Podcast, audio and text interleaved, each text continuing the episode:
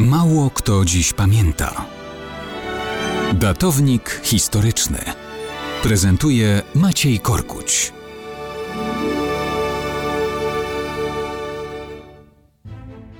Mało kto dziś pamięta, że jutro będzie rocznica 9 lutego 1350 roku. Wtedy to król Francji Jan II Dobry, czyli Jean Le Bon, stanął na ślubnym kobiercu. Jego wybranką była Jeanne de Boulogne, matka ostatniego potomka książąt Burgundii Filipa de Rouvre. Kiedy Filip zmarł, Burgundia za sprawą królowej weszła w skład Królestwa Francji, ale nie na długo.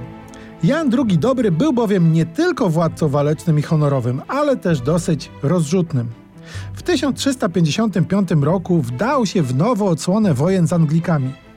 Zamierzał rozprawić się z wsławionym pod Hesji wojowniczym angielskim następcą tronu, księciem Walii, Edwardem. Ten od koloru zbroi zyskał miano Czarnego Księcia.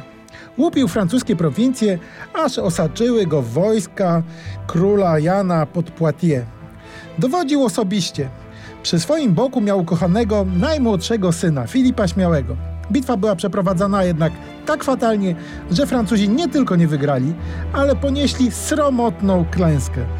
Francuscy rycerze usiali swymi trupami pole bitwy, a król wraz z synem i wieloma poddanymi dostali się do angielskiej niewoli.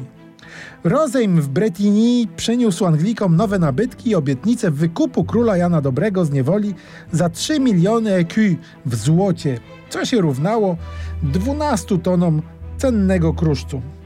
Król honorowo wyjechał szukać takiej sumy. Nie zebrał, więc równie honorowo wrócił do niewoli.